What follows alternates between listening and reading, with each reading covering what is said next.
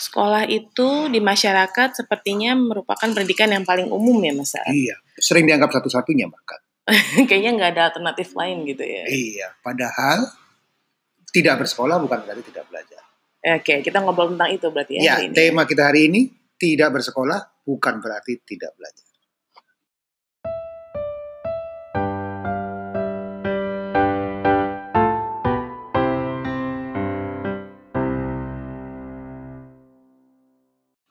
Susah juga sih uh, tentang paradigma itu ya Mas Saar. Karena kan Hmm. kita semua itu produk sebagian besar dari kita itu produk sekolah. Aku dulu sekolah. Aku sekolah. Mas Saar sekolah dan aku juga nggak punya masalah sih dengan dengan uh, mengikuti pelajaran-pelajaran di sekolah gitu. Duduk diam Hmm. di sekolah ya aku kalau udah kalau udah sekian jam berlalu gitu udah gatal pantatnya, udah rasanya udah me- udah langsung kebayang-bayang ibu kantin gitu ya. Tapi kan eh, tapi nilai sih nggak masalah, cuma duduk diem itu nggak ngisengin temen, ya itu yang susah.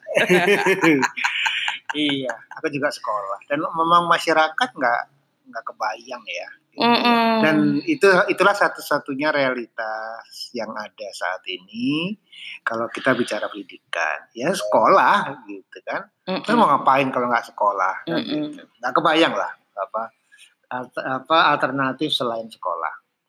Nah, si proses apa sudut pandang itu juga bukan hanya kita lihat kan pemerintah juga memandang seperti itu ya. Ya itulah pandangan dunia yang saat ini umum bahwa kalau yang disebut dengan pendidikan itu pasti sekolah. Ya kan ukuran-ukuran keberhasilan atau apa pendidikan itu ya semuanya sekolah gitu ya. Itu itu yang kemudian eh, dilihat sebagai pandangan yang paling umum dan mungkin kalau tidak berlebihan dianggap sebagai satu-satunya sudut pandang tentang pendidikan, ya kan? Hmm, iyalah kayaknya. Eh, enggak maksudnya eh, ya tentu saja kita sebagai praktisi homeschooling tidak melihat itu sebagai satu-satunya pandangan, tapi kan yang jamak dan eh, ya di masyarakat ya gitu Iya, ya. makanya Mm-mm. kalau orang-orang berkomentar negatif sebenarnya biasa aja, eh, terhadap homeschooling, ya mungkin kan karena sudut pandang itu mereka tidak nggak kebayang. kebayang. ya. Aku masih ingat waktu ibu dulu ya. Ibumu kan, ya? Nah, ibuku, Mm-mm. ibu kan kepala pensiunan kepala sekolah beliau kan dulu. Terus eh, waktu ya tahu bahwa cucunya tidak sekolah kan, beliau kan bingung kan. Gitu. Ya menentang kita tentang homeschooling eh, lebih karena beliau nggak kebayang bagaimana mungkin gitu ada sebuah model pendidikan yang yang nggak pakai sekolah gitu. Padahal kan pemerintah dan semua effort masyarakat itu adalah gimana caranya supaya anak-anak sekolah, Memberantas buta huruf ya memberantas dengan sekolah, fasilitas-fasilitas dibangun supaya anak-anak bisa bersekolah. Jadi akses pendidikan itu pintunya ya sekolah gitu kan. Gimana kalau Nah, anak sekolah? iya gitu. Anak anak yang putus sekolah gimana caranya supaya bisa melanjutkan lagi supaya sekolah. Iya. Ya, aku sih ngeliatnya gini, em, ya tadi ya berhubungan dengan eh, paradigma bahwa kalau nggak sekolah itu berarti ya tadi Nggak nggak belajar gitu, terus kemudian mau jadi apa gitu. Mm. eh karena aku paham bahwa banyak yang masih punya paradigma seperti itu, mungkin itu juga yang bikin dalam proses homeschool itu aku tuh santai. Maksudnya gini Hmm. loh, di kom- komentar apa pun tuh tidak berpengaruh karena itu itulah komentar yang yang yang yang sejatinya kemungkinan besar terjadi gitu loh Hmm. Saar gitu. Jadi kayak expect less get more Iya. gitu. Jadi apa namanya? Karena kan masalahnya cuma sudut pandang. Sudut Hmm. pandang tentang sekolah itu apa, belajar itu apa, itu yang masih belum Hmm. belum belum banyak orang dapat kan gitu. Sehingga ya orang nggak kebayang. Sehingga karena nggak kebayang terus mereka mau berkomentar apa itu menurutku sah Hmm. gitu loh. Namanya juga orang nggak kebayang. Iya. Namanya juga sudut pandang itu mereka nggak lihat gitu. Gitu kan. Iya. Aku juga pernah kan dulu diundang ke Kemdikbud terus ngobrol diskusi lah gitu gitu. Terus ya Pak ada kepala sekolah yang nggak mungkin lah gitu loh. Orang tua mendidik anaknya sendiri gitu. Kita aja guru guru-guru dengan Udah latihan. sudah dengan latar belakang pendidikan dan kemudian eh, ya punya punya hanya punya sebuah hal-hal tertentu kan keahlian mereka Mm-mm. itu saja kewalahan kita. Bagaimana mungkin orang tua dengan pendidikan yang terbatas bisa mendidik anak-anaknya kan?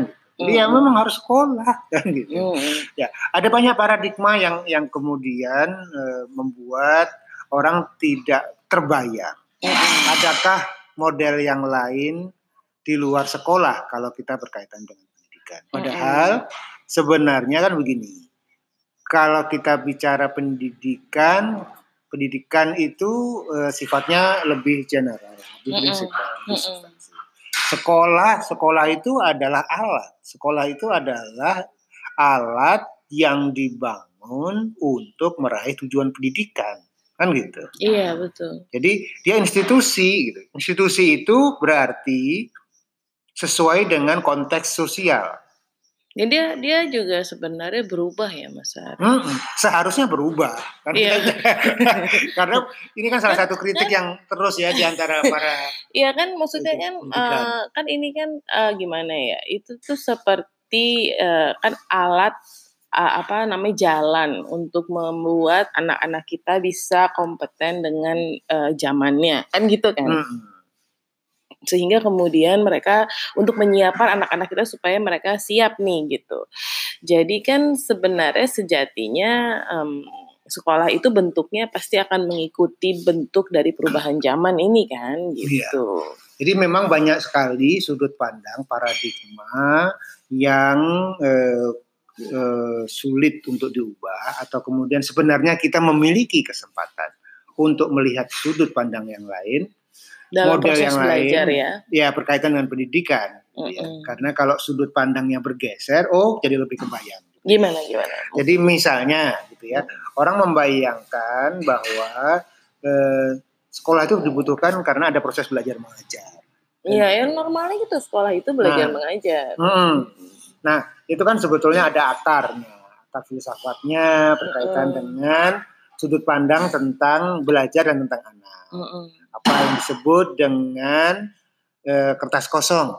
Anak adalah kertas kosong. Anak adalah kertas Mm-mm. kosong. Itu kan sudut pandang yang dianggap bahwa anak-anak menyerap pengetahuan dari lingkungannya secara eksternal, dari Mm-mm. orang luar. Mm-mm. Sehingga kehadiran guru adalah sebuah keniscayaan. sebuah Iya, karena perlu untuk mengajari anak. Mm-mm. Mm-mm. Tetapi kan tidak semua filosof atau tidak itu bukan satu-satunya sudut pandang tentang Belajar. belajar Hmm. gitu tentang belajar yang lama seperti apa. Ada sudut pandang yang mengatakan bahwa anak itu individu. Mm. Proses belajar itu tidak hanya berlangsung eksternal, Hmm. anak menyerap saja, tetapi anak memiliki kapasitas atau memiliki niat itikat untuk belajar yang alamiah sebenarnya.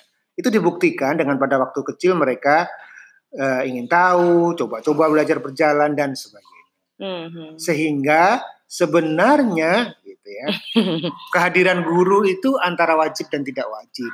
Iya. Ada proses-proses yang lain bisa terjadi adalah eh, memfasilitasi keinginan-keinginan alamiah anak-anak itu untuk proses belajar. Iya, jangan-jangan karena anak itu memiliki keingintahuan yang tinggi terhadap sebuah hal, ketika dia tertarik pada sebuah hal, dia tuh sebenarnya bukan butuh guru ibaratnya, Hmm. tapi dia itu butuh uh, coach, apa Hmm, apa fasilitator. fasilitator gitu yang kemudian mungkin ya melihat prosesnya, menemani atau butuh mentor gitu yang kemudian um, ya karena dia sendiri udah nyari nih gitu, Hmm. karena dia punya semangat itu untuk Iya. kemudian mencari tahu gitu ya. Iya, jadi si sudut pandang ini kan eh, kemudian anak-anak itu sudah pengen belajar loh, anak-anak jalan, belajar jalan, belajar lari, belajar ngomong, ingin tahu ini itu dan sebagainya.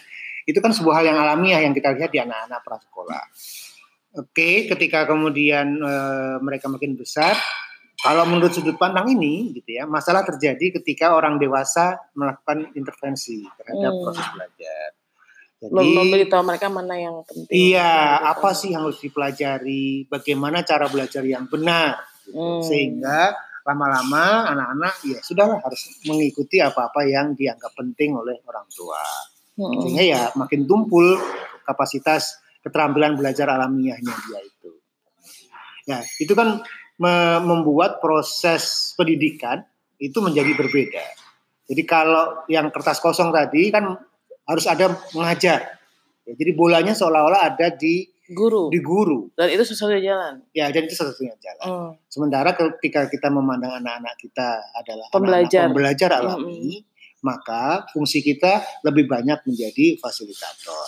Oke, pasti akan ada sumber belajar, tetapi tidak tidak harus proses utamanya justru bukan di sumber belajar dan mengarahkannya gitu. Hmm. Tetapi pada proses-proses menemani dialektika anak-anak ketika dalam yeah. berprosesnya itu justru hmm. itulah yang namanya belajar kali ya nah. ketika dia tahu kalau dia pengen tahu ke mana hmm. jadi bukan pengetahuan belum belum ngomongin pengetahuannya itu sendiri gitu loh hmm. saat bahwa kalau kemudian dia ingin tahu sebuah hal uh, maka dia tahu ke mana dia mencari uh, sumber tersebut gitu. Hmm. Itu aja sudah proses belajar kan. Iya. Terus kemudian ketika dia membaca hal tersebut misalnya atau kemudian mempelajari dia tahu apakah sumber yang dia pelajari itu uh, mungkin kalau kalau zaman sekarang ketika informasi malah overload mungkin apakah itu hoax atau bukan. Itu kan ya. itu aja udah sebenarnya ya. tools maksudnya alat-alat hmm, Jadi orang tua atau siapa pun orang dewasa menemani proses menemani di, proses, hmm. mendampingi, mengasah budaya belajar dan keterampilan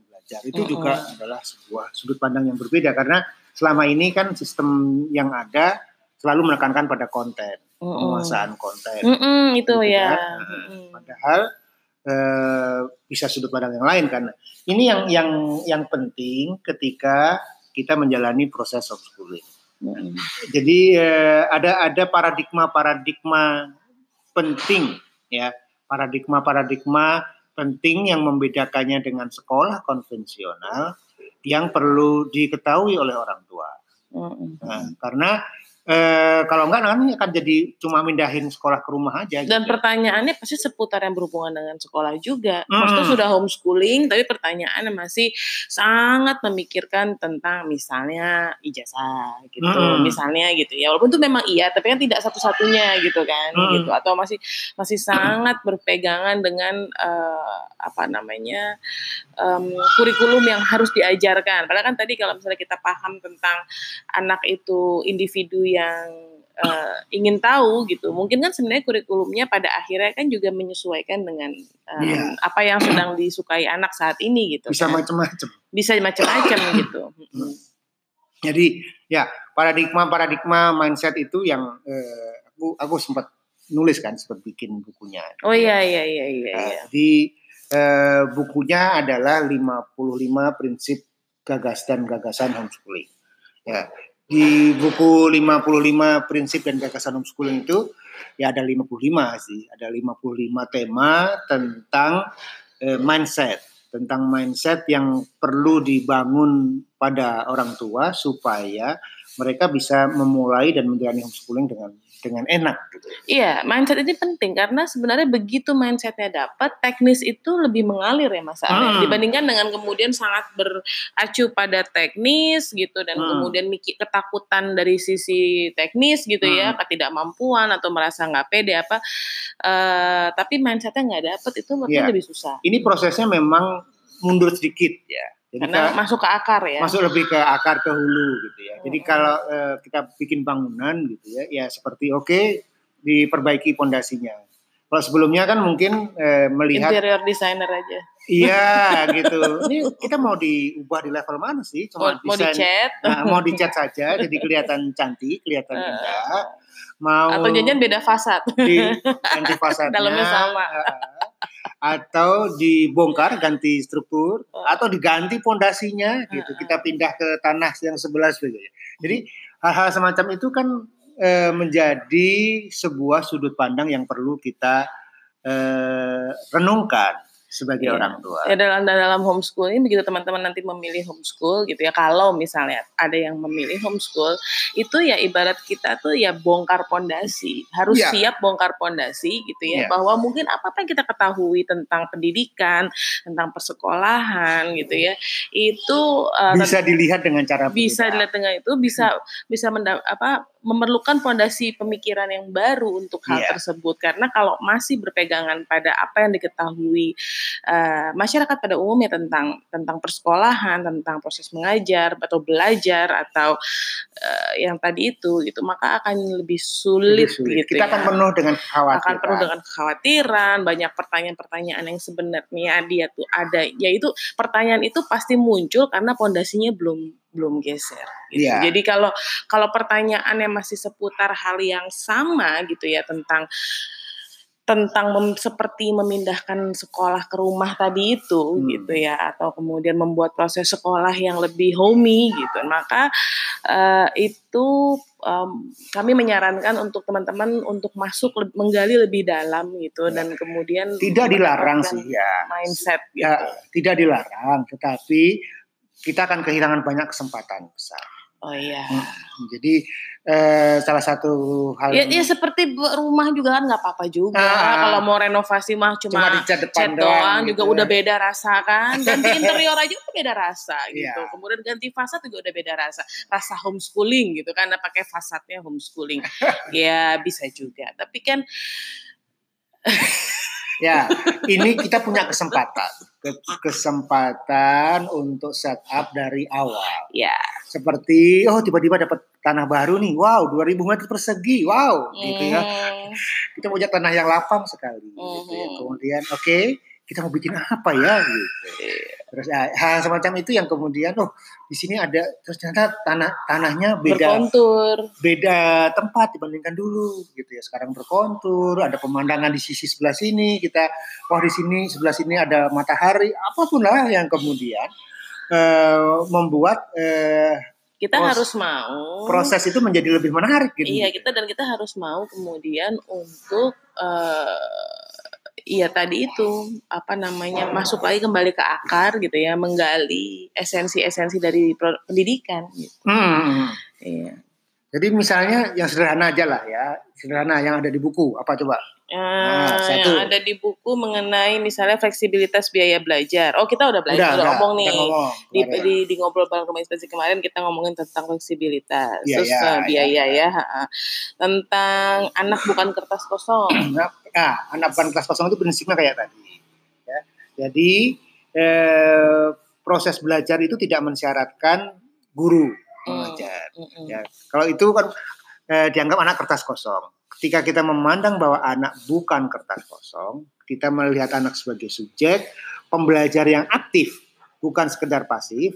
Aktif itu bukan karena dikondisikan, tapi karena kita mengimani, karena kita meyakini bahwa itulah nature, itulah kondisi alamiah anak-anak. Mm-mm. Nah, ketika kita memandang seperti itu bahwa anak adalah individu, anak adalah pembelajar alamiah, maka proses-proses belajarnya pun akan menjadi berbeda. Mm-mm. gitu. Iya, Jadi, iya. Itu itu yang eh, ada di buku ini. gitu dan ya, itu di bagian dari mindset yang yang salah satu mindset yang penting ya Mm. gitu. karena kalau kita sudah yakin bahwa anak itu pembelajar secara natural Hmm. maka kita juga bisa menghargai apa yang menjadi keingintahuannya Mm-mm. apa yang sedang dia ing apa dia apa minati Iya, gitu Karena kadang-kadang kan problemnya orang tua selalu ingin menyodorkan. iya ya, maksudnya menyodorkan apa yang dia anggap penting. Dan Harus belajar ini dulu, betul. buku ini dulu, tema Uh-uh, ini dulu. Iya, karena mungkin buatnya itu keren. Iya, buat orang tua. Buat orang tua. Gitu. Sementara anaknya tidak tertarik Mm-mm. gitu. Iya. Ya itu tuh yang kemudian, um, ya, ya gitulah. Iya, Jadi itu dulu. Kalau intinya kan sebenarnya adalah itu tadi bahwa sekolah bukan satu-satunya eh, alat pendidikan. Bukan satu. Bu, pendidikan adalah eh, pen, apa itu sih? Kok jadi ruwet. Ya, eh, kalau kita bicara pendidikan, sekolah adalah alat untuk meraih tujuan-tujuan pendidikan. Salah satu alat. Tetapi bukan satu-satunya. Oh iya. ya kan kita bisa melihat berbeda. Nah, Kemudian eh, kalau tidak bersekolah bukan berarti tidak eh, terdidik. Gitu. Mm -mm. Karena kalau kita bicara pendidikan, substansinya sebenarnya bukan bersekolah. Sub, karena sekolah itu institusi ya, mm -mm. jadi masuk bukan masuk ke sebuah institusi tertentu. Karena banyak sekarang mulai ada ada keluhan juga kan bersekolah tapi tidak belajar. Mm-hmm. Karena di dalam main, di dalam mm-hmm. itu proses-proses belajarnya tidak berkualitas. Jadi tidak mengalami proses pembelajaran yang yang baik gitu. Sehingga pendidikan substansinya itu adalah belajar. Mm-hmm. Ya. Mau di mana aja? Di mana saja. Yang penting adalah belajar. Mm-hmm. Ya, jadi wajib belajar, bukan wajib bersekolah. Wajib menuntut ilmu wajib meningkatkan kapasitas diri, mm-hmm. ya meningkatkan keterampilan, wajib berkembang, wajib bertumbuh dan berkembang. Mm. Ya, jadi itu substansi-substansi yang perlu terus menjadi uh, sumber tindakan-tindakan mm. kita, pemikiran-pemikiran kita ketika kita berinteraksi bersama anak. Oke. Okay. Oke. Okay. Ya, jadi kita jumpa lagi di ngobrol bareng rumah inspirasi yang, yang berikutnya. Dah, jangan lupa follow ya biar dapat update dari kita.